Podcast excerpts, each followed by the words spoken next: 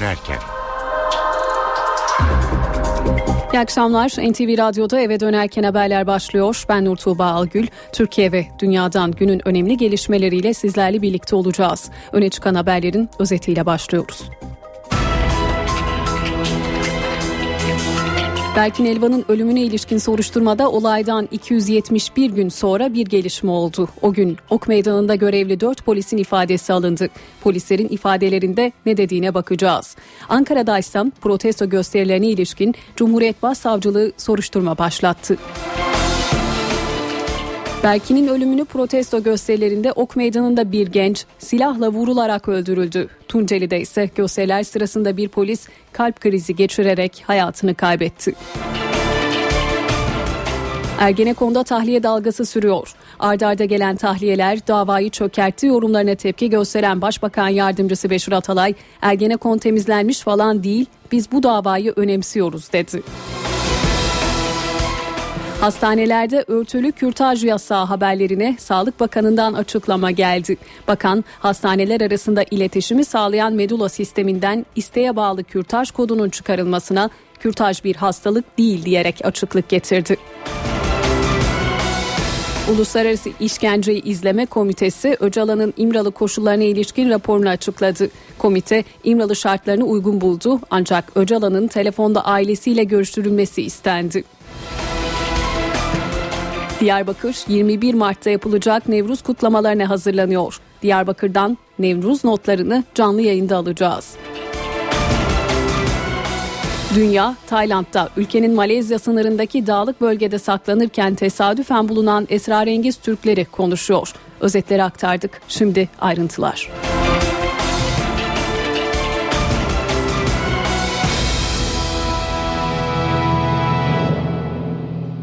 Berkin Elvan'ı öldüren gaz fişeği kapsülünü kimin attığı aradan 271 gün geçtiği halde bulunamadı. Ancak soruşturmada bugün yeni bir gelişme yaşandı.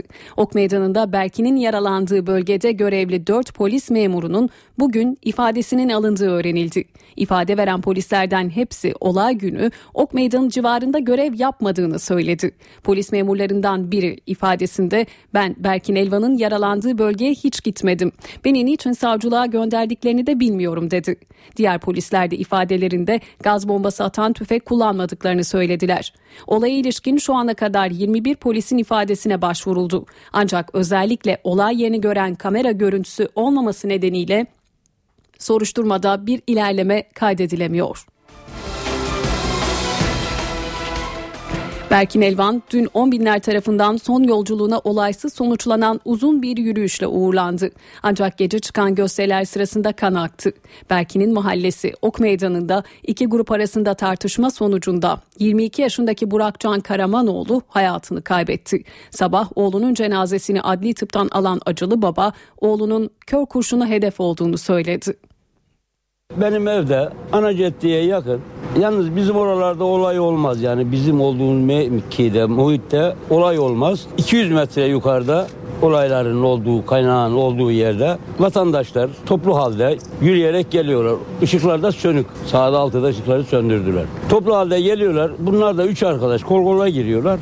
Caddenin kenarında bunları gözlüyorlar.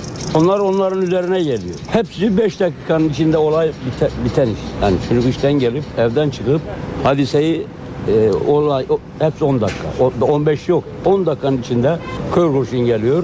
Isabet. Kalabalığın arasından mı eylemcilerden mi gelmiş? Eylemcilerden geldi. Bir kavga olmuş Çünkü, mu karşılıklı? Hayır. Yani Kesinlikle. bizimkiler sadece onları yani merak genç çocuklar. 22 yaşında genç çocuk. Merak edip bakıyorlar. E, gidiyorlar üç tane arkadaşıyla beraber. Karanlık tabii zifiri karanlık. Mermilerden geliyor. Olduğu yere yıkılıyor. Tunceli'deki protestolar sırasında ise bir polis kalp krizi geçirdi. 30 yaşındaki polis memuru Ahmet Küçüktağ kurtarılamadı. Polisin göstericilere attığı gaz bombasından etkilenerek kalp krizi geçirdiği iddiasına karşı Tunceli valisi göstericilerin attığı taşlardan etkilendiğini öne sürdü. Şehit polis bugün son yolculuğuna uğurlandı. Şehidimizin muhterem annesi, babası, kederli eşi, hakkınızı helal ediniz. Az biraz daha yaşayacak olanlar söz veriyoruz. Öfkenin sebeplerini inşallah yok edeceğiz. Tunceli Emniyet Müdürü kentteki protesto gösterileri sırasında şehit olan polis memuru ile ilgili üzüntüsünü bu sözlerle dile getirdi. Ahmet Küçükdağ 4 yıldır Tunceli'de görev yapıyordu. Tunceli 30 yaşındaki Küçükdağ'ın ilk görev yeriydi. Berkin Elvan'ın ölümüyle ilgili protesto gösterileri sırasında içinde olduğu zırhlı araçta kalp krizi geçirdi. Yoğun bakımda birkaç kez kalbi durdu. Elazığ'dan helikopterle kalp biri de getirildi. Ancak 3 saat süren çabaya rağmen polis Küçükdağ kurtarılamadı. Ahmet Küçükdağ'ın olaylar sırasında atılan gaz bombası nedeniyle kalp krizi geçirdiği iddia edildi. Ancak vari iddiayı yalanladı. Gazdan ziyade adeta araçlarına bir taş yağmuru şeklinde yoğun bir yağmura tutulduklarını, taş yağmuruna tutulduklarını ve bundan dolayı da ciddi bir stres yaşadıklarını paylaşmışlardır. 8 ay önce evlenen polisin cenazesi Malatya'da yapılan otopsi sonrasında memleketi Elazığ'a gönderildi. Elazığ Emniyet Müdürlüğü'nde yapılan törene Çevre ve Şehircilik Bakanı İdris Güllüce de katıldı. Şehit polis cenaze namazının ardından Harput mezarlığında son yolculuğuna uğurlandı. CHP lideri Kemal Kılıçdaroğlu Zonguldak'ta mitingde konuşuyor. Dinliyoruz. Adam diyorum ama adam yerine koymaya değmez de lafın gelişi adam diyorum. Bu zata bu zata 3 sayfalık bir rapor veriyor. 3 sayfalık. Bakınız o raporun sonuç bölümünde diyor ki Rıza Zarraf bazı bakanlarla yakın ilişkisi var. Eğer bunlar açığa çıkarsa hükümet zor durumda kalır. Beş ay önce Aralık nerede? Nisan nerede? Bu kişi bir şey yaptı mı? Yapmadı. Bakanları çağırıp ya arkadaşlar bakın MIT'in raporu var siz rüşvet falan alıyor musunuz dedi mi? Demedi. Niye demedi? Kendisi de götürüyordu onun için. Ne desin şimdi? Kendisi de götürüyor onlar da götürüyor. Ne denir? Balık baştan kokar. Sen yersen bakan diyor ben de yerim. Genel müdür ben de yerim diyor. Sonunda genel müdür ne yaptı? Düşünün dünya tarihinde bir ilk. Bir bankanın genel müdürü ayakkabı kutusunda istiflemiş paraları. Ayakkabı kutusunda. Neden? Helal para değil, haram para. Sen bankanın genel müdürüsün. Senin alnın teri ise o götürür bankaya yatırırsın. Kimse sana bir şey demez. Ama haram param. Şimdi o hırsızlar serbest bırakıldı. Aranızda geziyorlar. Ceplerinize dikkat edin. Bunlar gözü doymaz bunların. Kendisine bir çağrı yaptım. Dedim ki arkadaş senin gözün kaç liraya doyacak? Vallahi billahi kampanya açacağım. Kaç lira istiyorsan sana o parayı vereceğiz. Bu milletin yakasından düş artık.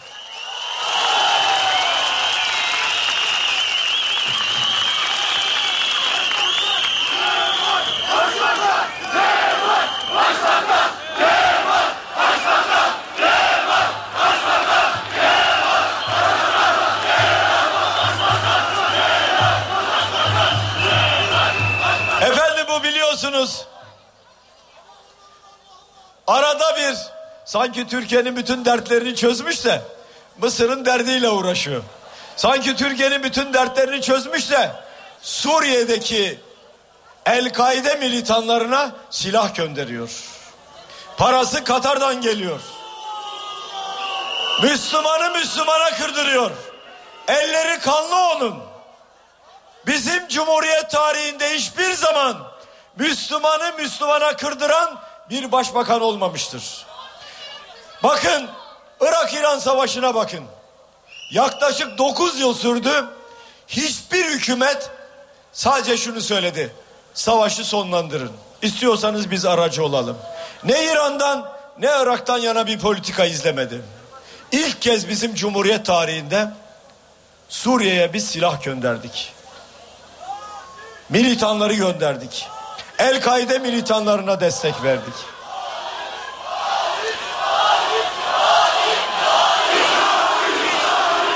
Bu arada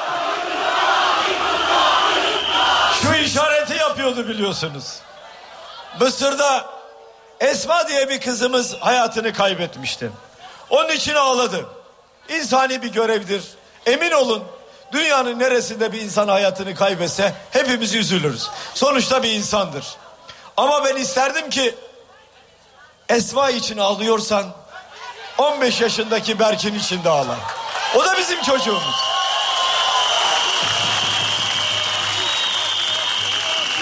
Berkin için ağladı mı? Allah rahmet eylesin dedi mi? Ailesine başsağlığı diledi mi? Ben nasıl buna sen adamsın diyeyim Allah aşkına. Nasıl diyeyim ben bunu? Diyeyim ben bunu? Kim ölürse ölsün bakın. Herkesin arkasından rahmet okuruz. Bizim Türkiye'nin geleneğidir bu. Müslüman geleneğidir bu. Türkiye'de tuğlayı tuğla üstüne koyan, Türkiye'de şu veya bu şekilde başbakanlık yapıp hakkın rahmetine kavuşan hiç kimsenin aleyhinde hiçbir Cumhuriyet Halk Partili tek laf etmez. Ne Erbakan için, ne rahmetli Özal için, ne Menderes için, ne Celal Bayar için. Onlar bu ülkeye hizmet ettiler. Ben Cumhuriyet Halk Partisi'nin genel başkanı olarak Menderes'in mezarını ziyaret edip karanfil koydum.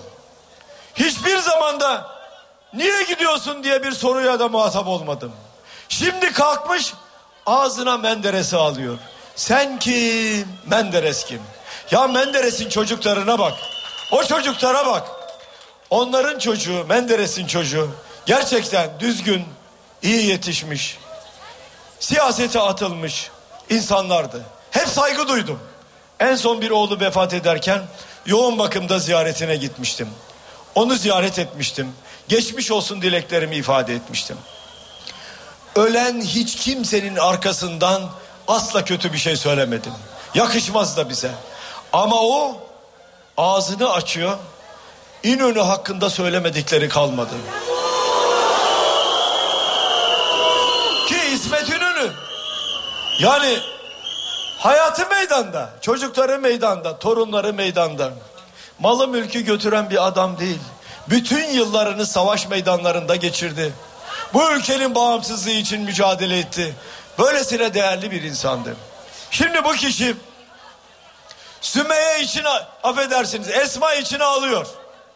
Mısır'da ölmüş eyvallah. Allah rahmet eylesin elbette. Hiçbir zaman dediğim gibi sadece Türkiye'de değil dünyanın neresinde olursa olsun çocukların ölmesini istemeyiz. Çocuklar geleceğe umutla baktığımız insanlardır. Onlar dünyanın da Türkiye'nin de umutlarıdır gençler. Gençlere her zaman güveneceğiz. Her zaman gençleri destekleyeceğiz. Bu işareti yapardı. Sözde Rabia işareti. Allah büyük ya. Bu işaret şimdi dört bakan bir başçalan oldu. Dört bakan bir başçalan. Bakanlar otobüsün üstüne çıktılar. Ellerini kaldırdılar. Ben merak ediyorum ya. Bu kadar malı götürdünüz, rüşvet yediniz, iddialar ortada. Sen nasıl milletin yüzüne bakıyorsun? Size bu dört bakanla ilgili fezlekelerdeki rakamları vereceğim. Türkiye Büyük Millet Meclisi'ne gelmiş fezlekeler. Eski Ekonomi Bakanı Zafer Çağlayan 28 defada 28 defada 52 milyon dolar götürmüş. Ben söylemiyorum. Türkiye Büyük Millet Meclisi'nde olan fezlekede var. Zaten haram bu. Zaten haram. Haram olsun demenize gerek yok. Zaten haram. Ayrıca 700 bin liralık eski parayla 700 milyar liralık da kol saati aldım. Rıza Zarraf'tan. Şimdi ben Adalet ve Kalkınma Partisi'ne oy veren saygıdeğer yurttaşlarıma seslenmek istiyorum. Hanginizin kolunda 700 milyarlık saat var? CHP lideri Kemal Kılıçdaroğlu Zonguldak'ta mitingde konuşuyor. Bir bölümünü canlı olarak aktardık. Şimdi Başbakan Recep Tayyip Erdoğan'ın açıklamalarıyla devam edelim. Başbakan Erdoğan Berkin'in ölümünden sonra başlayan olaylara değindi. 30 Mart'ta ne olacağını gördüler, kargaşa çıkarıyorlar dedi. Başbakan gösterilerden muhalefeti ve cemaati sorumlu tuttu. Biz çocuklarımızın eline molotof kokteyl vermiyoruz. Biz çocuklarımızın eline tablet bilgisayar veriyoruz. Kalem veriyoruz, kitap veriyoruz. Bizim farkımız bu. Bizi onlardan ayıran bu. İşte dün İstanbul'da değişik yerlerde buyurun partimizin seçim koordinasyon merkezlerini yaktılar yıktılar. Seçim araçlarını yaktılar. Hani ya siz demokrattınız? Hani siz özgürlükçüydünüz? Bunlar sahtekar sahtekar. Ne doğrusu ya? Ne dürüstü ya? Bunların demokratlıkla falan alakası yok. Bunlar sandığa inanmıyor. Ve geleceklerini de görüyorlar. 30 Mart'ı şimdiden görüyorlar. Gördükleri için de artık diyorlar ki ne yapalım kargaşa çıkaralım da acaba bu kargaşayla netice alır mıyız? Ama alamayacaklar. 30 Mart'ta sandıkta gereken cevabı Ankaralı kardeşlerim de Türkiye'de yaşayan kardeşlerim de verecek. Kısa bir ara veriyoruz ardından devam edeceğiz. Eve dönerken devam edecek. Saat 17.22 eve dönerken haberler devam ediyor. Bültenimizin başında aktardık. Berkin'in ölümüne ilişkin soruşturmada olaydan 271 gün sonra gelişme var. O gün Ok Meydanı'nda görevli 5 polisin bugün ifadesinin alındığı bildirildi. Polislerin olay günü gaz fişeği kullanmadıklarını, Berkin'in yaralanması olayını hatırlamadıklarını söyledikleri öğrenildi. Başbakan Yardımcısı Beşir Atalay da Berkin'in ölümüne ilişkin soruşturma konusunda NTV canlı yayınında konuştu. Adli ve idari soruşturma soruşturmanın sürdüğünü söyledi. Üzüntümüzü ifade ettik. Ee, yani bir aile için zor bir durum. Başsağlığı diliyoruz. Ee, uzun bir e, tabi çaba sarf etti. Uzun bir e, tedavi için çaba gösterildi. Ee, ama şimdi rahmetli oldu. Ailesine başsağlığı diliyoruz. Ülkemizin huzur açısından da e, tabi önemli görüyoruz. Çok farklı tabi unsurlar bir araya geldi. E, yani terör örgütlerinin bayraklarından tutun işte partilere kadar e, pek çok kesimden şeyler var. Tabii masum bir e, çocuğun ölümüyle ilgili e, yani e, orada e, duygusunu belirtmek isteyenler de var ama neticede e, şunu da arzu etmeyiz seçim ortamında e, bir e, genç insanın ölümünü e, bir anlamda da istismar kelimesini de çok kullanmak istemiyorum ama o vesileyle seçim ortamını bu şekilde e, belki de güvenliğin e, işte güvenliğin falan sorun olduğu bir alana dönüştürmemek lazım. Başbakan yardımcısı Bülent Arınç da üzüntüsünü dile getirirken provokasyon uyarısı yaptı. 14-15 yaşında bir gencecik yavrumuzun hayatını kaybetmiş olması fevkalade üzüntü verici. Hepimizin yasta olduğunu ifade ettik. Konuşmayanların da gönüllerinin ağladığını ben hissediyorum. Herkesin de her şeyi söylemeye doğrusu imkanı da yok, hakkı da yok. Hepimizin üzüntü duyduğu, gözyaşı döktüğü bir ölüm olayından sonra kötü niyetliler, maksatlılar ortaya çıktılar. Ve bunlar Berkin'i unuttular. Sadece Berkin üzerinden yakma, yıkma, tahrip etme ve öldürme olaylarına giriştiler. Çok acı bir olay. Berkin'in ölümü kadar acı. Dün akşam saatlerinde İstanbul'da terör estirdiler. Giresunlu bir gencimiz hayatını kaybetti. O da bizim değil mi o gencimizde? Ya Tunceli'de şehit olduğunu duyduğumuz polis arkadaşımız Berkin kadar masum değil mi? Berkin için gözyaşı dökenlerin akşam hayatını İstanbul'da bu olaylar içerisinde kaybeden onun için de aynı şekilde gözyaşı dökmesi lazım. Berkin'in ölümü ve protestolar muhalefet liderlerinin de gündeminde. CHP lideri Kemal Kılıçdaroğlu bugün eşiyle birlikte ateşin düştüğü yeri Berkin Elvan'ın ailesini ziyaret etti, başsağlığı diledi. Kılıçdaroğlu Elvan ailesinin evinden ayrılırken provokasyon uyarısı yaptı. Sabah ekmek almaya giden bir çocuğun bu şekilde öldürülmesi toplumun vicdanını kanatıyor. Her anne baba çocuğunu umutla besler. Onu büyütür, askere gönderir. İş güç sahibi olmasını ister. Evlendirmek ister. Torun sahibi olmak ister. Ama onların ellerinden aldılar bunu. Berkin 15 yaşında hayatını kaybetti. Büyük bir üzüntü. Allah başka acılar vermesin diyorum. Herkesin başı sağ olsun diyorum. Yine İstanbul'da bir kardeşimiz daha hayatını kaybetmiş. O aileye de Allah'tan rahmet ve başsağlığı diliyoruz. Bütün yurttaşlarımdan şunu istiyorum. Sakın ola ki provokasyonlara gelmeyin. Demokratik yollardan haklarımızı arayacağız. Bunun mücadelesini yapıyoruz zaten. Daha güzel bir Türkiye, barış içinde yaşayan bir Türkiye, huzurlu bir Türkiye. Bunu arzu ediyoruz. Bunun için çalışıyoruz. Bunun için mücadele ediyoruz. MHP lideri Devlet Bahçeli de son dönemdeki uyarılarını tekrarladı. Seçimler gelip gidiyor. Kalıcı olan devlettir. Soğukkanlı olmalıyız diye konuştu. Son günlerde değişik şeyler olmaya başladı. Bakın bugün seçimlere 17 gün kalmıştır. Bir yerden başlayan gerilim stratejisi yavaş yavaş uygulanıyor. Türkiye'de her gün bir olaya, her küçük olaydan büyük olaylara doğru kıvrılmalar oluyor. Şiddet artıyor. Ölüm olayları gelişiyor. Ve Türkiye'de 17 gün içerisinde neler olabileceğini bugünden kestirmek çok zor.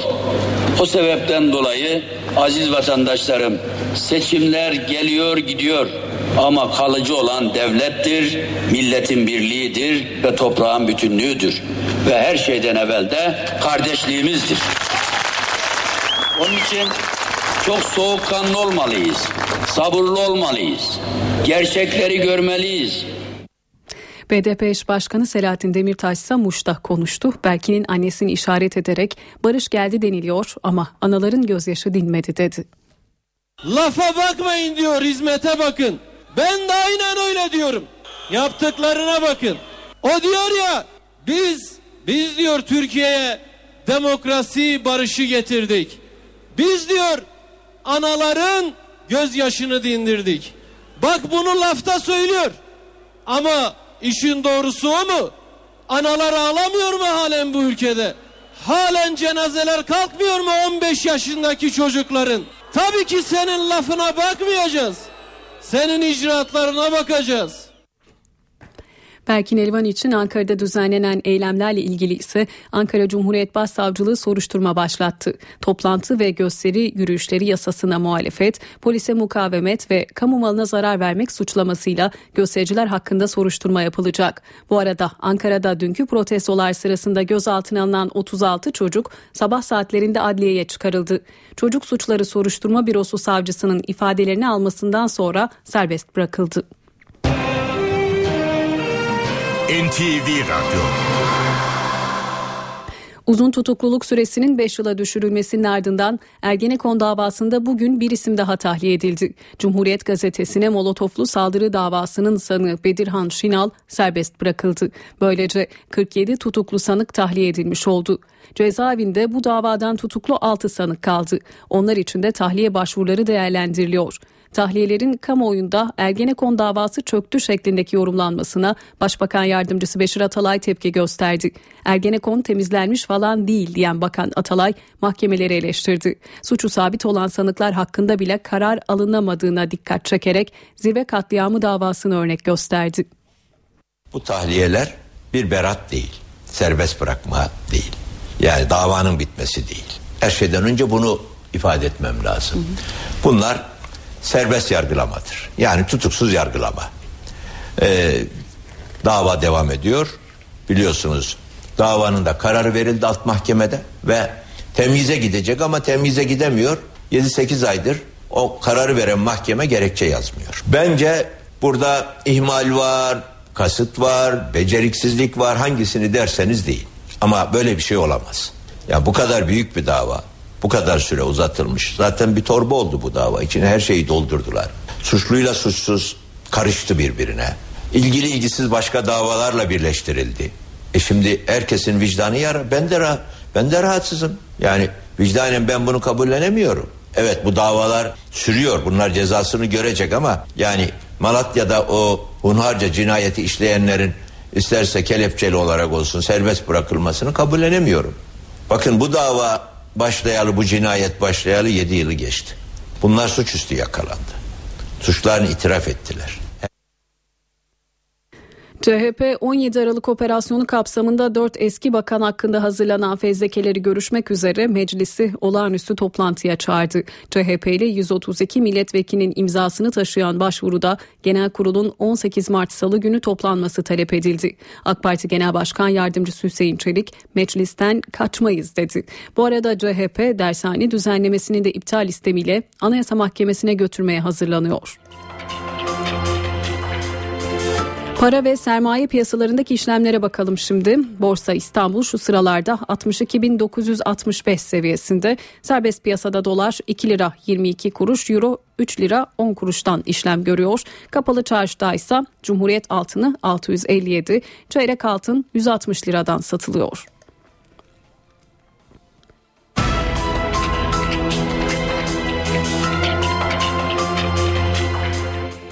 Saat 17.31 NTV Radyo'da eve dönerken haberlere devam ediyoruz. Öne çıkan haberlerin satır başlarını hatırlayalım.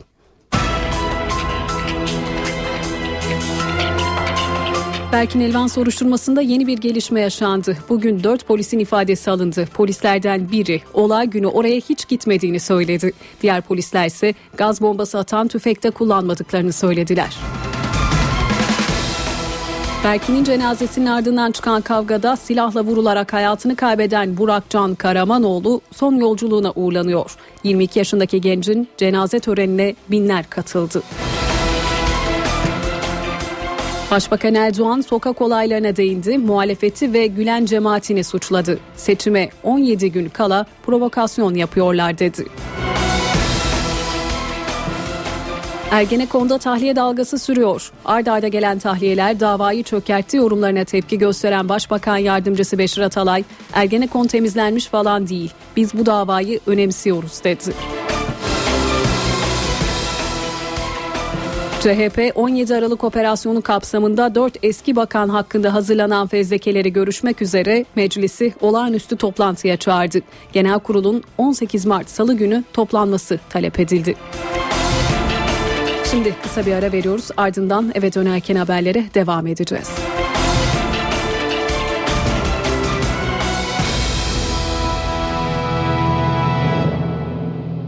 Eve dönerken devam ediyor. Spor haberleri başlıyor.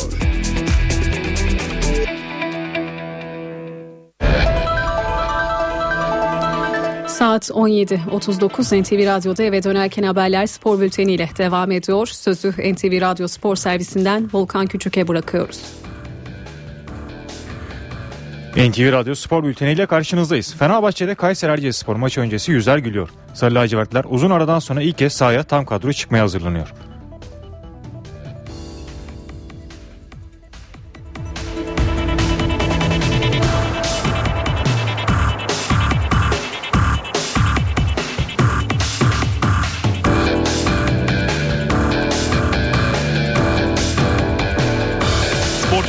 Süper Lig'de ilk yarıyı 8 puan farklı lider kapatan Fenerbahçe'de teknik direktör Ersun Yanal ikinci yarı boyunca sakat ve cezalı futbolcular sebebiyle bir türlü ideal kadrosunu kullanamamıştı. Başta Emenike, Sov, Vebo ve Alper olmak üzere birçok oyuncu ikinci yarının başından bu yana formasından uzak kalmıştı. Bu durum teknik direktör Ersun Yanal'ı bir hayli sıkıntıya sokarken puan kayıpları da ard arda gelmişti. Ancak Kayseri Erciyesspor maçı öncesi Fenerbahçe'de sıkıntılı dönem geride kalmış durumda. Takımda cezalı futbolcu yok. Uzun süredir sakat olan Bruno Alves ve Pierre Webo da tamamen iyileşti. Sakat ve cezalı futbolcuların dönmesinin yanı sıra seyircisiz oynama cezasının ardından 12. adamında tribünlerdeki yerini alacak olması takıma ayrı bir hava kattı.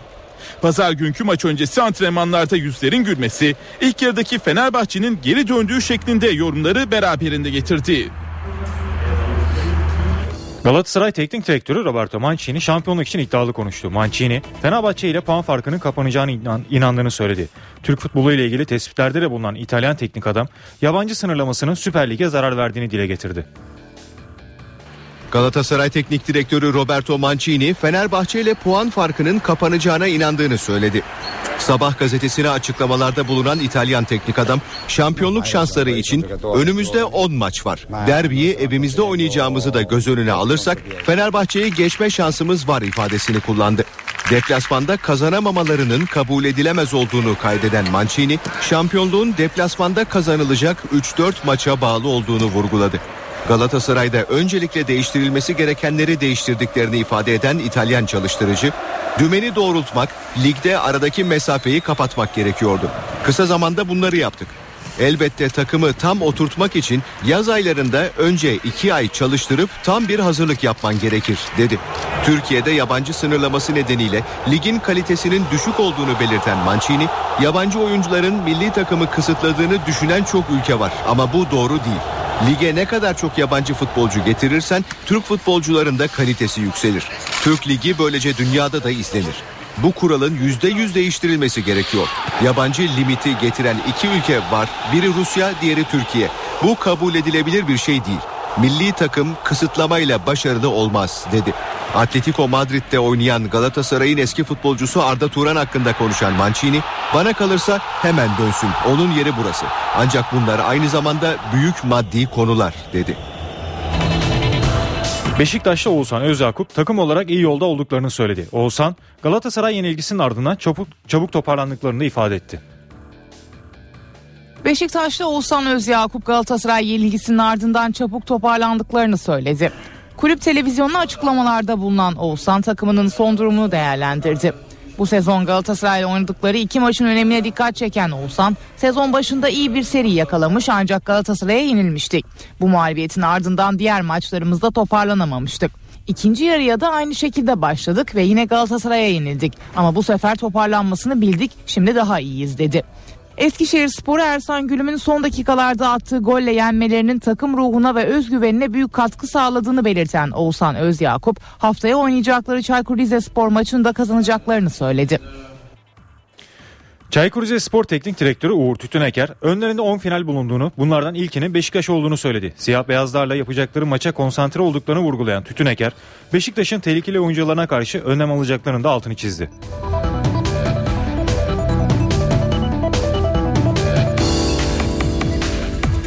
Euroleague'de Fenerbahçe Ülker bugün evinde çok kritik bir mücadeleye çıkacak. Temsilcimiz İspanya'nın Unicaja Malaga takımını ağırlayacak. Maç saat 20'de başlayacak ve NTV Spor Smart'tan canlı yayınlanacak. Turkish Airlines Euroleague Top 16 E grubunda Fenerbahçe Ülker 10. hafta karşılaşmasında Ülker Arena'da Unicaja Malaga'yı konuk edecek. Lider Barcelona'nın 9 galibiyetle zirvesinde bulunduğu grupta 4 maç kazanan Fenerbahçe Ülker 6. sırada yer alıyor. Mücadele temsilcimizin üst sıra yükselmesi iddiası için çok büyük önem taşıyor. Euroleague'de 2005-2006 sezonundan günümüze dek her yıl top 16'ya yükselme başarısı gösteren Unica Malaga, Fenerbahçe'nin sadece bir galibiyet önünde yer alıyor. Fenerbahçe Ülker'in Euroleague'deki sayı yükünü 15.4 sayı ortalamasıyla oynayan Boyan Bogdanovic çekiyor. Hırvat oyuncunun yanı sıra Boma Kalep, Linas Kleyza, Emir Pledzic ve Nemanja Bjelica da maç başına çift tane skorlar üretiyor. Temsilcimizde son lig maçında sakatlığı sebebiyle forma giyemeyen Blagota Sekulic son antrenmanda takımla birlikte çalıştı. Top 16'da deplasmanda oynadığı 5 maçın ikisini kazanan Unica Malaga, Euroleague'de maç başına 75.9 sayı üretiyor. İspanyol temsilcisinin en skorer ismi ise 13.5 sayı ortalamasıyla oynayan Nick Kenner Medley. Fenerbahçe Top 16 E grubu 3. hafta karşılaşmasında Unica Malaga'ya deplasmanda 89-75 mağlup olmuştu. Bu haberle spor bültenimizin sonuna geldik. Hoşçakalın.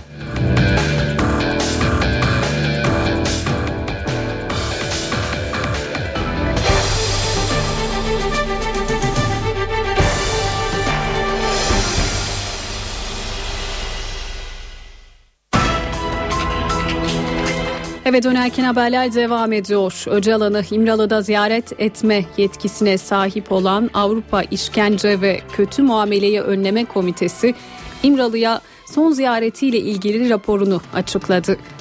Raporda Öcalan'a kötü muamele olmadığı belirtildi. Ancak Öcalan'a bir hak daha istendi. Telefonla görüşme hakkı.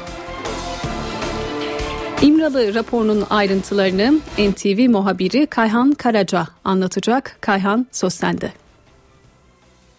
Evet Avrupa İşkence ve e, Kötü Muameleyi Önleme Komitesi aslında 1999 yılından beri İmralı Adası'nı ziyaret ediyor. Bu e, sabah açıkladığı rapor 6. ziyaretinin raporu yani 16-17 Ocak e, 2013 tarihlerinde adaya gerçekleştirdiği ziyaretle ilgili rapor.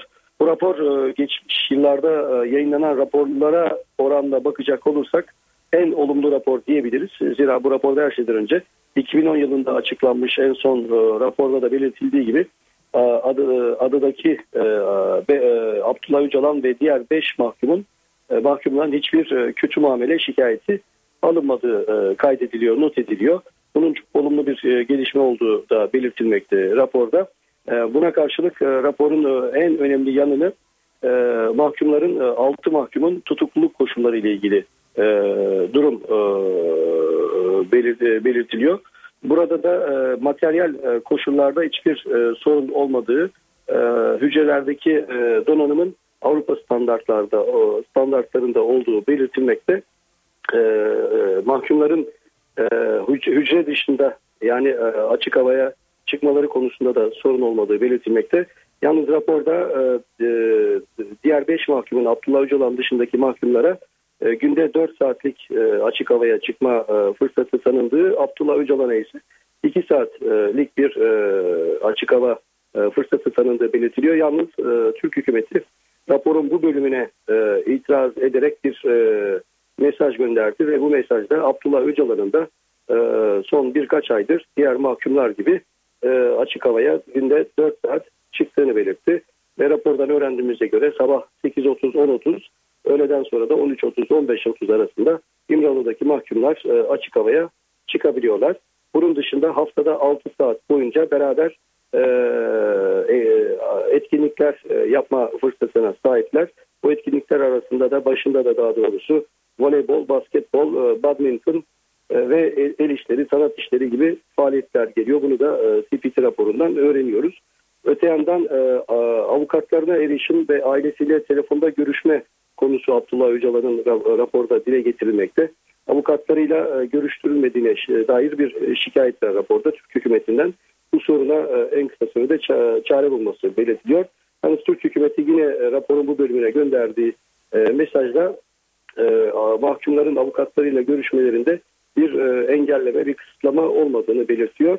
Belirtmekle birlikte kimi zaman İmralı'ya giden teknelerde, gemilerdeki teknik arızalar ya da hava şartları nedeniyle avukatların görüştürülmesi konusunda sıkıntılar yaşandığını Türk hükümeti e, gönderdiği mesajda belirtiyor. Bir de e, Abdullah Öcalan'ın ailesiyle telefonda görüşmesi konusu gündeme taşınmakta raporda. E, burada da e, bu konunun da e, çözülmesini istiyor Avrupa e, Kurumu. Ancak Türk hükümeti yine buraya gönderdiği bir e, mesajda raporun bu bölümüne e, verdiği yanıtta e, Abdullah Öcalan'ın bir terör örgütü lideri olarak telefonda görüşmesinin mümkün olmadığını belirtiyor. Bu rapor çok önemli. Neden önemli? Zira önümüzdeki hafta Avrupa İnsan Hakları Mahkemesi Abdullah Öcalan'ın Ankara'ya karşı açtığı ikinci davada karar açıklayacak ve ikinci de bu söz konusu ikinci dava Abdullah Öcalan'ın e, tecrit koşulları ve tutukluluk koşullarıyla ilgili ve Avrupa İnsan Hakları Mahkemesi açısından e, tutukluluk koşulları ile ilgili özellikle İmralı e, adasında tek ve tek referans Avrupa İşkenceyi ve İşkence ve Kötü Muameleyi Önleme Komitesi. Dolayısıyla bugün yayınlanan bu rapor gelecek hafta çıkacak Avrupa İnsan Hakları Mahkemesi Öcalan kararına da temel oluşturmuş olacak. İmralı raporunun ayrıntılarını NTV muhabiri Kayhan Karaca aktardı. Nevruz yaklaşıyor. Geçen yıl Öcalan'ın İmralı'dan gönderdiği mektubun okunduğu Nevruz kutlamaları olaysız geçmiş, çözüm sürecinde önemli bir aşama olmuştu. Bu yılki kutlama programı da belli oldu. Kutlamaların merkezi yine Diyarbakır olacak ve yurt dışından önemli konuklar ağırlanacak. Ayrıntıları NTV bölge temsilcisi Nizamettin Kaplan aktaracak. Nizam Evet, tabii 21 e, Mart e, bölgede çok e, büyük bir şekilde önemseniyor ve bu çerçevede de hazırlıklar uzun süreden beri devam ediyor. Geçen 21 Mart Nevruz Bayramı'na baktığımızda Abdullah Öcalan'ın çatışmasızlık süreci ve silahlı örgüt militanlarının ülke dışına çıkması çıkması sürecinin başlangıcı olmuştu.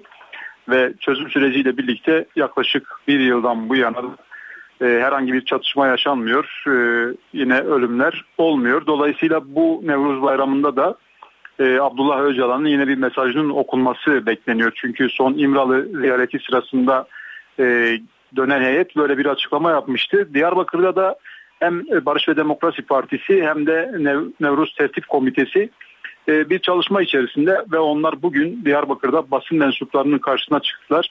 2014 Nevruz'unun Kürtler için büyük önem, önem taşıdığına vurgu yaptılar ve 7'den 70'e herkese katılım çağrısında bulundular. Tabii çağrılan e, çok önemli isimler var. Yurt içi ve dışından da birçok siyasetçi, hukukçu, gazeteci ve akademi- akademisyen var. Yine Irak Kürt Bölgesi Devlet Başkanı Mesut Barzani, PYD lideri Salih Müslim, e, yine Kürdistan Yurtseverler Birliği lideri Celal Talabani'nin eşi e, Hero Ahmet İbrahim ve daha adını sayamadığımız birçok isim davet edildi. E, bu toplantıda BDP İl Başkanı Zübeyde Zümrüt'e Şivan Perver'in e, davet edilip edilmediği de soruldu. Ancak Zümrüt e, Perver'in davet edilmediğini söyledi. İlerleyen zamanlarda görüşmelerin olabileceğini belirtti. E, bir yandan da tabii ki Nevruz'a katılımın yüksek olması ve gelenlerin e, rahat bir Nevruz ortamında kutlama yapması için de çalışmalar sürüyor. Diyarbakır'da Büyükşehir Belediyesi başta olmak üzere alt kademe belediyeleri de bu yönde e, bir çaba içerisindeler ve e, Barış ve Demokrasi Partisi de en büyük Nevruz kutlamasını yine bu yıl Diyarbakır'da 21 Mart'ta gerçekleştirilecek. gerçekleştirecek. NTV bölge temsilcisi Nizamettin Kaplan yaklaşan Nevruz kutlamalarına ilişkin son durumu aktardı. Şimdi kısa bir ara veriyoruz ardından devam edeceğiz. Eve dönerken devam edecek. Saat 18 NTV Radyo'da eve dönerken haberler devam ediyor. Ben Nur Tuğba Gül günün öne çıkan haberlerinden satır başlarını hatırlatalım. Berkin Elvan'ın ölümüne ilişkin soruşturmada bugün 4 polisin ifadesi alındı. Polislerden biri olay günü oraya hiç gitmediğini söyledi. Diğer polisler ise gaz bombası atan tüfekte kullanmadıklarını söylediler. Berkin'in ölümünü protesto gösterilerinde Ok Meydanı'nda bir genç silahla vurularak öldürüldü. 22 yaşındaki gencin cenaze törenine binler katıldı. Tunceli'de ise dün akşam bir polis kalp krizi geçirerek hayatını kaybetti. Ergenekon'da tahliye dalgası sürüyor. Ardarda arda gelen tahliyeler davayı çökertti yorumlarına tepki gösteren Başbakan Yardımcısı Beşir Atalay, Ergenekon temizlenmiş falan değil, biz bu davayı önemsiyoruz dedi. Uluslararası İşkence İzleme Komitesi Öcalan'ın İmralı koşullarına ilişkin raporunu açıkladı. Komite İmralı şartlarını uygun buldu ancak Öcalan'ın telefonda ailesiyle görüştürülmesi istendi. HDP'nin seçim bürolarına yönelik eylemler siyasetin gündeminde. HDP'li Seba Tuncel olayı kınamadılar deyip CHP'yi eleştirdi. Başbakan Yardımcısı Bülent Arınç siyaseti engellemek ahlak dışı dedi. Dünya Tayland'da ülkenin Malezya sınırındaki dağlık bölgede saklanırken tesadüfen bulunan esrarengiz Türkleri konuşuyor. Özetleri aktardık. Şimdi ayrıntılar.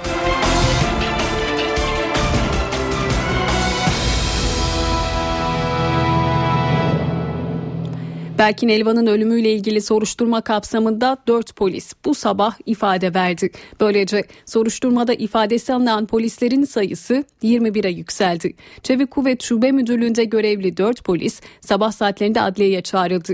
Polislerden biri olay günü Ok Meydanı'nda görev yapmadığını, kendisinin bu olayla ilgili niçin savcılığa gönderildiğini anlayamadığını söyledi. Diğer polisler de gaz bombası atan tüfek kullanmadıklarını söylediler.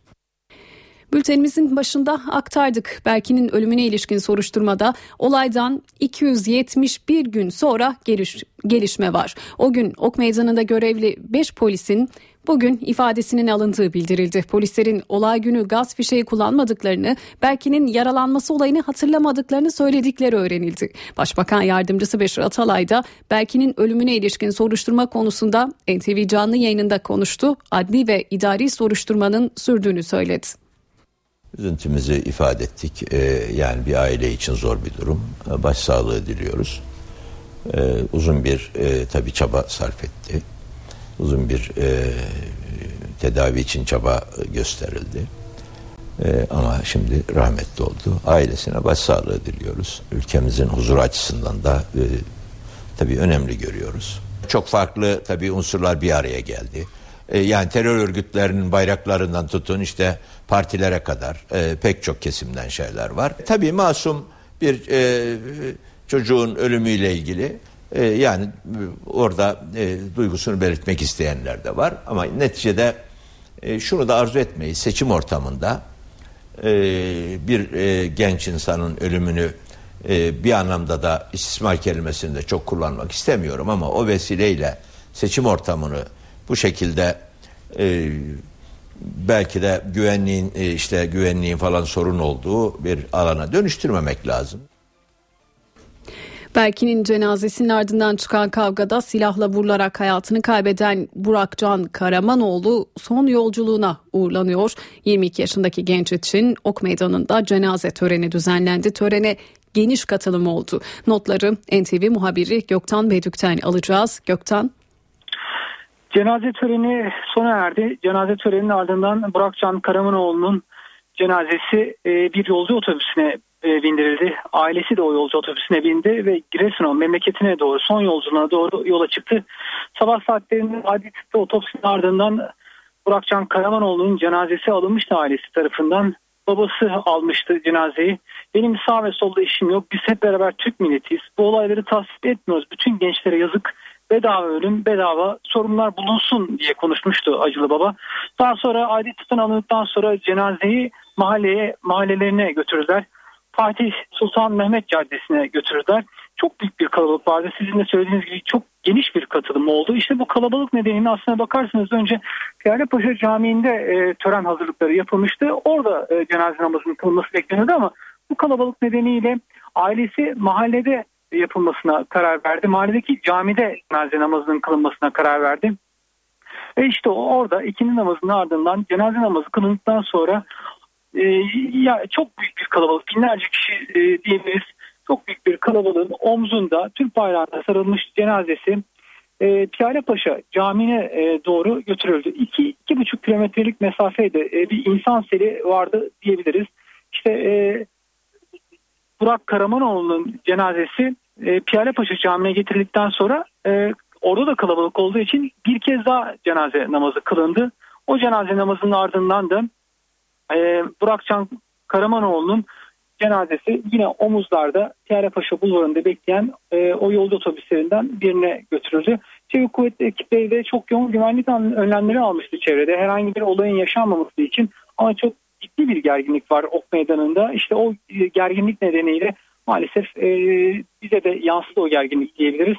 Kameraman arkadaşım Savaş Dağdal'la birlikte çekim yaparken e, 5-6 kişilik bir grubun saldırısına uğradık biz de e, önemli bir şey olmadığını söyleyebiliriz. Tabii e, çok büyük bir kalabalık vardı orada. 5-6 kişinin saldırısına da yani o cenazeye giren insanlara mal etmek elbette ki doğru olmayacaktır. E, çevik kuvvet ekipleri çok yoğun güvenlik önlemleri almaya devam ediyor ama zaman zaman e, E5 karayolunda ve o bölgede e, sıkıntılar, problemler yaşandığını, çeşitli e, olaylar yaşandığı e, yolunda bilgiler geliyor bize. Söyleyebileceklerimiz şimdilik bunlar. Burak Can Karamanoğlu son yolculuğuna memleketine Giresun'a uğurlandı. Cenaze töreninden notları aldık. NTV muhabiri Göktan Bedük aktardı. NTV Radyo Seçim meydanlarından haberlerle devam edelim. Başbakan Recep Tayyip Erdoğan seçim mitinglerini sürdürüyor. Erdoğan'ın bugünkü ilk durağı Mersin'di. Başbakan konuşmasında medyaya, iş adamlarına, cemaate ve muhalefete sert çıktı. Medya günlerdir sokaklara ateşe vermek için sorumsuzca yayın yapıyor. İş adamları çıkıyor. Sokakları karıştırmak için ahlaksızca tahrikler yapıyor. Siyasetçiler çıkıyor. Seçime sadece 17 gün kala sokakları karıştırmaya çalışıyor. Başbakan Recep Tayyip Erdoğan Mersin'deydi.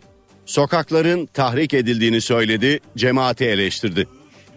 Filistinli bir tek çocuk için gözyaşı dökmeyen Mavi Marmara şehitlerine terörist gözüyle bakan, Mısır için Suriye için yüreği yanmayan, Pensilvanya'daki zat ta oradan sokakları karıştırma çağrısı yapıyor. Başbakan Erdoğan MHP'yi sokak olaylarına destek vermekle suçladı. Yılların MHP'sinin DHKPC gibi terörist bir örgütle polise, askere, devlete kurşun sıkan bir örgütle aynı safta yer alması senin kanına dokunmuyor. Türkiye düşmanlarıyla işbirliği yapmak, kol kola girmek, onlara avukatlık yapmak, sana mı düştü ey MHP? Erdoğan'ın hedefinde CHP de vardı. Bu CHP daha düne kadar bu Pensilvanya'daki zata düşmanlık yapıyor. Mecliste onunla ilgili Kılıçdaroğlu'nun verdiği soru önergesi var. En ağır hakaretleri yapıyordu. Şimdi yol arkadaşı oldular ya. Ana muhalefetle devam ediyoruz. CHP lideri Kemal Kılıçdaroğlu Kastamonu'da halka seslendi. Adalet çağrısı yaptı. Türkiye'nin geldiği hali biliyor musunuz? Öğreniyor musunuz? Böyle bir tablo olabilir mi? Siyasetçinin zenginleştiği ortamda halk fakirleşir. Utanma duygusu sadece insana özgüdür. Ve ahlak adaletle beraber anılır. Ben iktidarı eleştiriyorum diye Adalet ve Kalkınma Partisi'ne oy veren vatandaşlarım sakın üzülmesinler. Onları ben eleştirmiyorum. O vatandaşlar, o vatandaşlar oy kullandılar. Neden? Söz verdiler. Bize oy verin, yolsuzluğu önleyeceğiz dediler. Oy verin, yoksulluğu önleyeceğiz dediler. Vatandaş da iyi niyetle gitti oyunu kullandı. Size yalan söyleyenlere artık oy vermeyin. Artık bu ülkede gerçek anlamda halka doğruları söyleyen, halk için çalışan, cebini dolduran değil, vatandaşın cebini düşünen siyasetçilere oy verin. O nedenle söylüyorum. Mücadeleyi beraber yapacağız.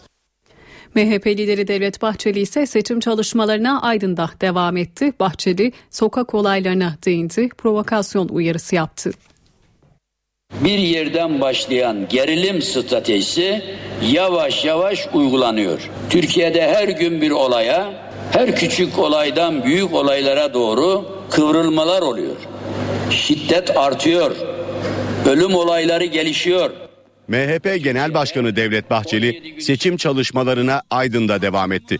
Provokasyon uyarısını yineleyen Bahçeli kalıcı olan devlettir dedi. Türkiye'de 17 gün içerisinde neler olabileceğini bugünden kestirmek çok zor.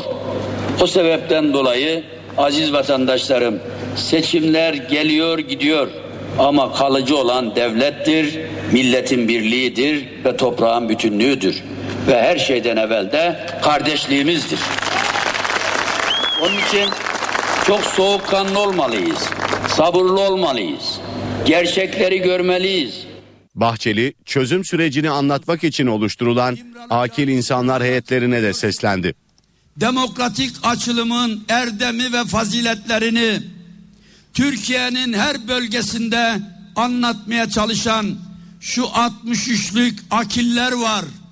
Neredesiniz şimdi? Ne yapıyorsunuz? Yolsuzluk ve rüşvetten hiçbir bir haberiniz yok. HDP'nin seçim bürolarına yönelik saldırılar siyasetçilerin gündeminde. HDP eş genel başkanı Sebahat Tuncel saldırıları kınamadıkları gerekçesiyle CHP'yi eleştirdi linç etme, yaşam alanı tanımama, e, Fethiye'de bu kadar toplumsal muhalefet olana kadar da Cumhuriyet Halk Partisi ses çıkarmadı. Mesela Urla'da yaşadık. Urla CHP'nin iktidar olduğu bir alandı. E, buna hiç itiraz etmediler o şeye kadar. Ta ki Fethiye'de artık e, gerçekten tüple parti binamıza yani saldırı olana kadar bir şey yapmadılar. Bu ciddi bir sorun. Yani CHP direkt vardır demiyoruz ama onun tabanının da içinde olduğu e, bir gerçeği ifade ediyor. Biz mesela bu konunun soruşturmasını istedik. Fethiye'deki o tabelamız asılacak yani. Tabelayı kim indirdiyse o gelip asacak. BDP eş başkanı Selahattin Demirtaş ise Fethiye'deki son olay özelinde konuştu. Olay organizeydi dedi. İşte burada on binlerce kişiyiz. Şimdi şu partinin tabelası inecek diye dayatsak Muş'un emniyet müdürü, valisi, belediye başkanı gelip o partinin tabelasını indirir mi? İndirmez. İndirmesin de, indirmesin de. Bunun demokraside yeri olamaz. Ama işte Fethiye'de bu kepazeliği yaptılar. Hep birlikte yaptılar, hep birlikte. Başbakan Yardımcısı Bülent Arınç da seçim bürolarına yönelik eylemlere tepki gösterdi. Siyaseti engellemek ahlak dışı dedi. HDP gündemde olduğu için ona yönelik bu hareketlerin ne kadar yanlış olduğunu, ne kadar büyük bir suç olduğunu Hatta bunu yapan ve o görüntüden görebildiğim kadarıyla levhayı indirmeye çalışanlar, elinde sopalarla yürüyenler, işte arabaları taşlayanların bunların bir barbarlık olduğunu söyledim. Ama arkasından da ilave ettim. Yani ismi ne olursa olsun adeta bir X partisi bile olsa aynı şekilde onlara karşı yapılanların da bu kapsamda düşünülmesi gerektiğini söyledim. Yani ben herkesin buradan bir sonuç çıkardığını düşünmüştüm ama arkadaşım beni uyarmış oldu aslında. Gerçekten son 1-2 ay içerisinde Hür Dava Partisi'nin de Hüdapar'ın da bazen seçim çalışması sırasında bazen seçim bürolarının açılışında yani bir iki ay öncesi ama yeni olaylardan da bahsediyor arkadaşımız. Onların da taşlandığını, çalışma yapmalarına imkan verilmediğini, bazı tehditlerle karşılaştığını ifade etti. Doğrudur. O zaman HDP için söylediğimi hangi parti için olursa aynı şekilde kabul edin demiştim. Ama ismi zikredildiği için Hüdapar için de aynı sözleri büyük bir açık yüreklilikle söylüyorum. Onların da siyaset yapma hakkı var her yurttaşımız gibi. Onların da propaganda yapma hakkı var. Onların da bir siyasi parti olarak Türkiye'de faaliyet gösterme hakkı var. AK Parti'nin ne kadar varsa onların da var, hepimizin var. Bunlara yönelik hiçbir tehdidi, hiçbir şantajı, hiçbir taşlı veya sözlü saldırıyı tasvip etmeyiz. Onlara yapılan her saldırıyı bize yapılmış sayarız. Eve dönerken haberleri şimdi kısa bir ara veriyoruz ardından devam edeceğiz. Eve dönerken devam ediyor. Saat 18.22 eve dönerken haberler devam ediyor. Malatya'da görülen zirve yayın evi davasında tutuklu yargılanan emekli orgeneral Hurşit Tolon cezaevinden çıkamayacak. Tolon için Ergenekon davasında tahliye kararı alınmıştı. Buna rağmen Tolon zirve davasından tutuklu olduğu için cezaevinden çıkamamıştı. Bunun üzerine emekli generalin avukatları zirve davasının görüldüğü mahkemeye tahliye başvurusunda bulundu. Ancak mahkeme heyeti başvurunun reddi yönünde görüş belirtti. Cumhuriyet Halk Partisi meclisi olağanüstü toplantıya çağırdı. Toplantının gündemi 17 Aralık soruşturması kapsamında 4 eski bakan hakkındaki fezlekeler. MHP ve BDP'nin de destek verdiği toplantıda iktidar partisi milletvekilleri de hazır bulunacak. Peki CHP'nin fezlekelerin genel kurulda okunması talebi kabul edilecek mi? Ayrıntıları parlamento günlüğünde NTV muhabiri Miray Aktağ Uluç anlatacak. Miray Muhalefet partileri anlaştı. Cumhuriyet Halk Partisi meclisin 18 Mart'ta olağanüstü toplanması için başvuruyu yaptı. CHP'nin başvurusunda partinin 132 milletvekilinin imzaları bulunuyor ki onlar arasında CHP Genel Başkanı Kemal Kılıçdaroğlu yok. Ancak oturumda olağanüstü oturumda Kemal Kılıçdaroğlu dahil CHP'li bütün vekiller mecliste hazır bulunacaklar. Milliyetçi Hareket Partisi, BDP ve bağımsız milletvekillerinin de hazır bulunacağı o toplantıda Adalet ve Kalkınma Partisi'nin de yine katılması hazır bulunması bekleniyor. Bu başvurunun yapılmasının ardından gözler bugün Meclis Başkanı Cemil Çiçek'e çevrildi. Başvuru artık Meclis Başkanı'nın elinde ve toplantının ne zaman yapılacağına e, veya milletvekillerinin inceleyip incelemeyeceğine yönelik tüm kararlar Meclis Başkanı'ndan çıkmış olacak. Bugün Adalet ve Kalkınma Partisi'nden Sözcü Hüseyin Çelik'ten bir açıklama geldi. E, toplantıda bulunup bulunmayacakları yönündeki soruya Hüseyin Çelik AK Parti meclisten kaçan parti olmaz milletin meclisidir. Makul bir çağrı olsa katılırız. Tabii ki mecliste olacağız dedi. Bu yüzden AK Parti'nin katılmaması gibi bir durum şu an için söz konusu değil. Ancak iktidarla muhalefet arasında bir taktik savaşı yaşanıyor. Kulislerdeki iddialar bu şekilde. Olağanüstü toplantının yapılacağı gün ki salı günü olabilir gibi gözüküyor bu. İktidar Partisi'nin CHP'nin genel görüşme isteğini engellemek için Bakanlar Kurulu sıralarını boş bırakacağı iddia ediliyor. Yani böyle bir şey gerçekleşirse eğer e, toplantının e, gerçekleşmesinin önüne geçilmiş olacak. Bununla ilgili hem Cumhuriyet Halk Partisi'nden hem de Milliyetçi Hareket Partisi'nden gelen değerlendirmeler vardı bugün. Akif Hamza Çebi toplantının yapılmasının engellenmesinin e, oraya e, bu bakanlarına kendi eski bakanlarına güvenmediği anlamına geldiğini savundu e, iktidar partisinin. Onlar dedi bu yöntemleri düşünüyor olabilirler ama bizler de farklı düşünceler içerisindeyiz dedi. Oktay Vural'dan bir değerlendirme geldi. Oynamaya gerek yok, tiyatro yapmayalım, açık ve net bir şekilde gelsin o fezlekeler mecliste görüşülsün dedi. Peki fezlekeleri muhalefet partileri, e, iktidar partisi aynı şekilde milletvekilleri inceleyebilecek mi?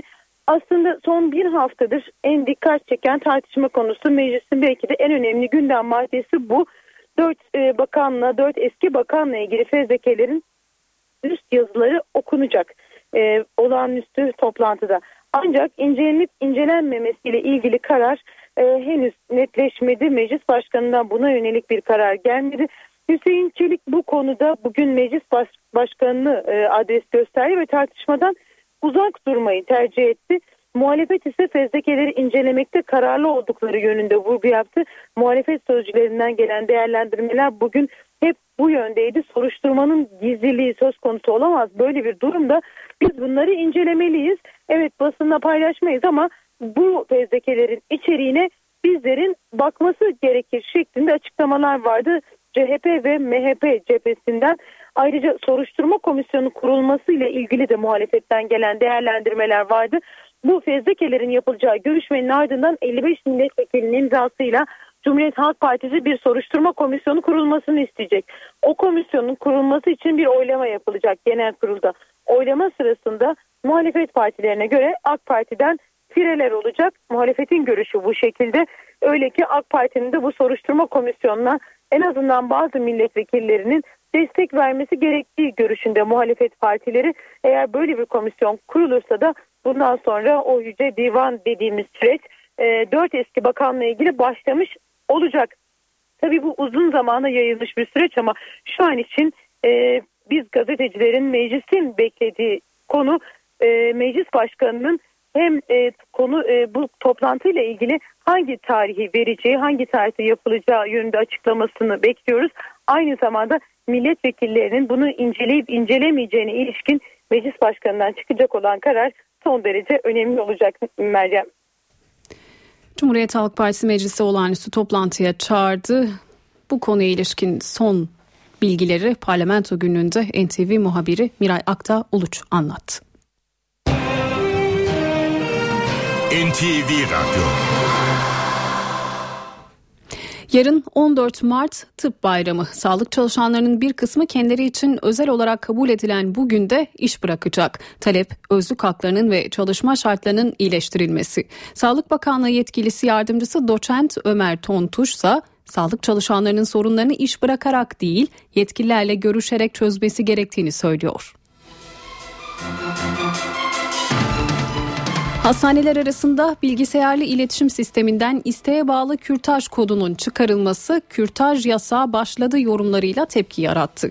Konu Sağlık Bakanı Mehmet Müezzinoğlu'na soruldu. Bakan iddiayı yalanladı. Kürtajın bir hastalık olmadığını, sistemde olması gerekmediğini savundu. Kürtaj bir hastalık mıdır ki şeyde medulla sisteminde yeri olsun? Dün var mıydı? Var mıydı dün? Dün de yoktu. Medulla sistemi hastalıkları sayar. Dolayısıyla kürtaj bir hastalık değildir. Bir istenmeyen gebeliğin sonuçlandırılmasıdır. Dolayısıyla orada gebelik kısmı var, hamilelik kısmı vardır. Sen ondan sonra hamilelik kısmına kürtaj mı gerekir, takip mi gerekir? Ondan sonraki süreçtir. Yani öküz altında buzağı aramanın anlamı yok. Kürtaj bir hastalık değildir. Arkadaşlar SGK kapsamında mıydı? Biz SGK kapsamına girmesiyle ilgili Sağlık Bakanlığı olarak Çalışma Bakanlığı'na talepte bulunduk. Onu değerlendiriyoruz. Zaten SGK kapsamında değildi. Her halükarda tıbbi zorunluluk varsa SGK bunu bir hastalıktır, tıbbi zorunluluktur ve karşılar. Bugün Dünya Böbrek Günü. Türkiye'de yaklaşık 65 bin kronik böbrek hastası bulunuyor ve uzmanlara göre her 7 kişiden biri böbrek hastası. Ancak hastalık çok sinsi ilerledi ve son evrede fark edildiği için tedavi zor oluyor. Peki ne yapmalıyız? Böbreklerimizi nasıl korumalıyız? Uzmanlar en başta tuz tüketimini sınırlamak gerektiğini söylüyor. Türkiye'de böbrek hastalarının %98'i hastalığın farkına varmıyor. Uzmanlar hastalığın son evrede fark edildiği konusunda uyarıyor. Bu hastalık yavaş ilerleyen, çok sinsi bir hastalık bir defa. Belirti pek vermiyor. Son döneme ulaştığı zaman böbrek iflas, böbrek yetmezliğine götürüyor. İstatistiklere göre her 7 kişiden biri böbrek hastalığına yakalanıyor. Böbreklerin hızlı şekilde yaşlandığını belirten uzmanlar aşırı tuz kullanımına dikkat çekiyor. 18 gram düzeyinde alıyoruz. Yani normalin 3 katı düzeyinde tuz tüketen bir insanımız veya da toplumumuz var. Bu da tabii bizi zora sokuyor. Tansiyon kontrolünde, böbrek hastalığı, kalp rahatsızlığı gibi bir sürü sorunları da beraberinde getiriyor bu tuz meselesi. Böbrek yetmezliğinin ilk belirtisi çok su içilmese de gece sık sık idrara kalkmak. En erken belirtileri nedir? Böbrek taşıdır, sık tekrarlayan idrar yolu enfeksiyonlarıdır. İdrarla ilgili sorunlara, ne bileyim ağrıya sebebiyet vererek kendisini belli edebilir. Şeker ve tansiyon hastaları, obezler ve 55 yaş üstü kişilerin böbrek hastalığına yakalanma riski çok daha yüksek. Uzmanlar hastalıktan korunmak için düzenli egzersiz, sağlıklı beslenme, yeterli sıvı alma ve ağrı kesici ilaçlardan uzak kalmayı öneriyor. Saat 18.31 NTV Radyo'da eve dönerken haberlere devam ediyoruz. Öne çıkan haberlerin satır başlarını hatırlayalım.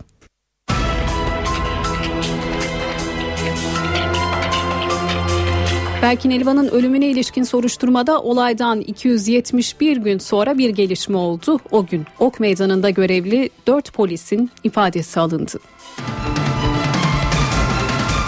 Berkin'in ölümünü protesto gösterilerinde Ok Meydanı'nda bir genç silahla vurularak öldürüldü. Tunceli'de ise gösteriler sırasında bir polis kalp krizi geçirerek hayatını kaybetti. Zirve yayın evi davasında tutuklu bulunan emekli orgeneral Hurşit Tolun'un tahliye talebi reddedildi. CHP Cumhurbaşkanı Abdullah Gül'ün dün onayladığı dershane düzenlemesini Anayasa Mahkemesi'ne götüreceğini duyurdu. Uluslararası İşkence İzleme Komitesi Öcalan'ın İmralı koşullarına ilişkin raporunu açıkladı. Komite İmralı şartlarını uygun buldu ancak Öcalan'ın telefonda ailesiyle görüştürülmesi istendi. Sağlık çalışanları 14 Mart Tıp Bayramı'nda yani yarın özlük haklarının ve çalışma şartlarının iyileştirilmesi talebiyle iş bırakıyor. Satır başlarını aktardık. Kısa bir aranın ardından yeniden birlikte olacağız.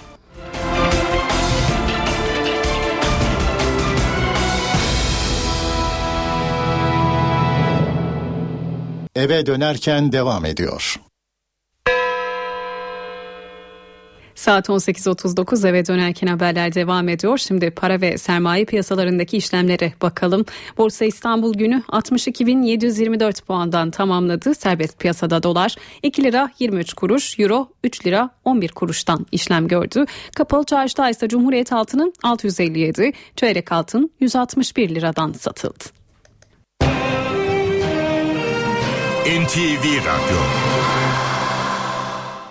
Tayland'da esrarengiz Türkler başlığıyla dünya gündemine oturan bir haberle devam edelim.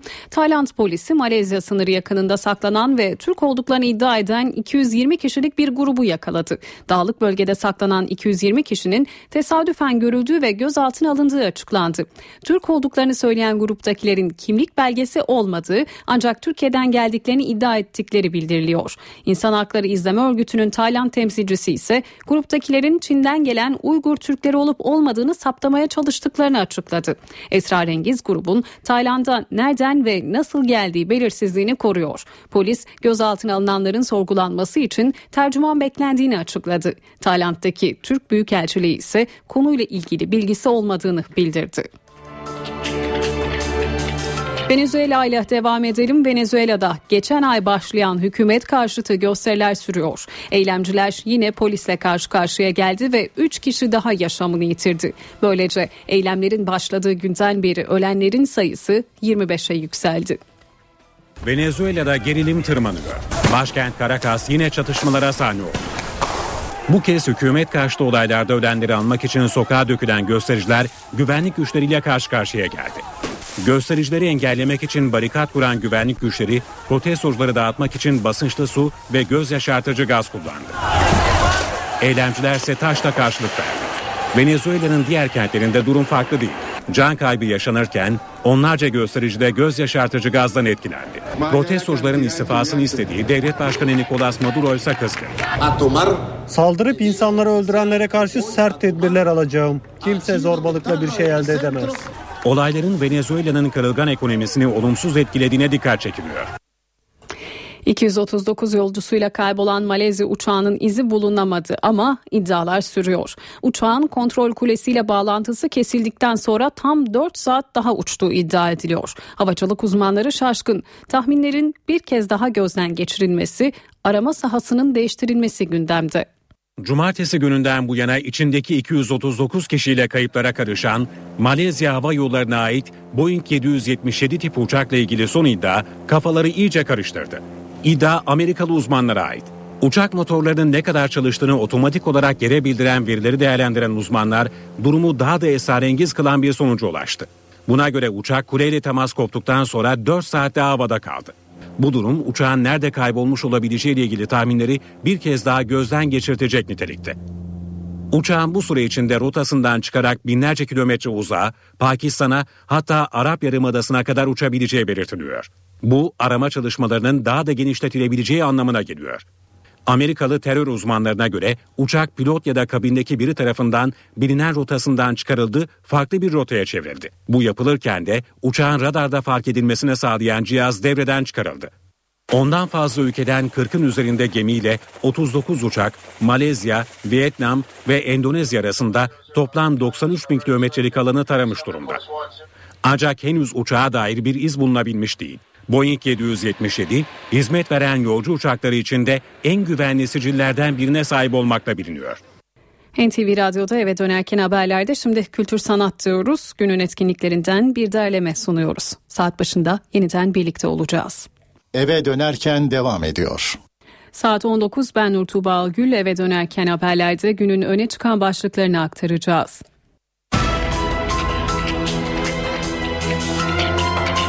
Berkin Elvan'ı anmak için Ankara'da protesto gösterisi yapan liseli gruplara polis müdahale etti. Çok sayıda öğrenci gözaltına alındı.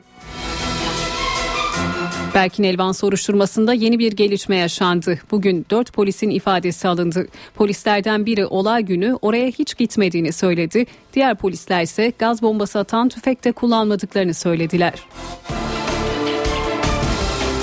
Berkin Elvan için düzenlenen gösterilerin ardından Ok Meydanı'nda iki grup arasında çıkan silahlı kavgada hayatını kaybeden Burak Can Karamanoğlu için cenaze töreni düzenlendi. Törene yoğun katılım oldu. Tunceli'de Berkin Elvan için düzenlenen gösteriler sırasında şehit olan polis memuru Ahmet Küçüktağ memleketi Elazığ'da toprağa verildi. Türk Toraks Derneği biber gazının kullanımı konusunda uyarıda bulundu. Dernek eylemlerde yoğun biçimde kullanılan biber gazını uzun süre solumak hayati risk oluşturuyor dedi. Sağlık çalışanları 14 Mart Tıp Bayramı'nda yani yarın özlük haklarının ve çalışma şartlarının iyileştirilmesi talebiyle iş bırakıyor. Hastanelerde örtülü kürtaj yasağı haberlerine Sağlık Bakanı'ndan açıklama geldi. Bakan hastaneler arasında iletişimi sağlayan medula sisteminden isteğe bağlı kürtaj kodunun çıkarılmasına kürtaj bir hastalık değil diyerek açıklık getirdi. Avrupa İşkence ve Kötü Muameleyi Önleme Komitesi İmralı'ya son ziyaretiyle ilgili raporunu açıkladı. Raporda Öcalan'a kötü muamele olmadığı belirtildi ancak Öcalan'a telefonla görüşme hakkı istendi.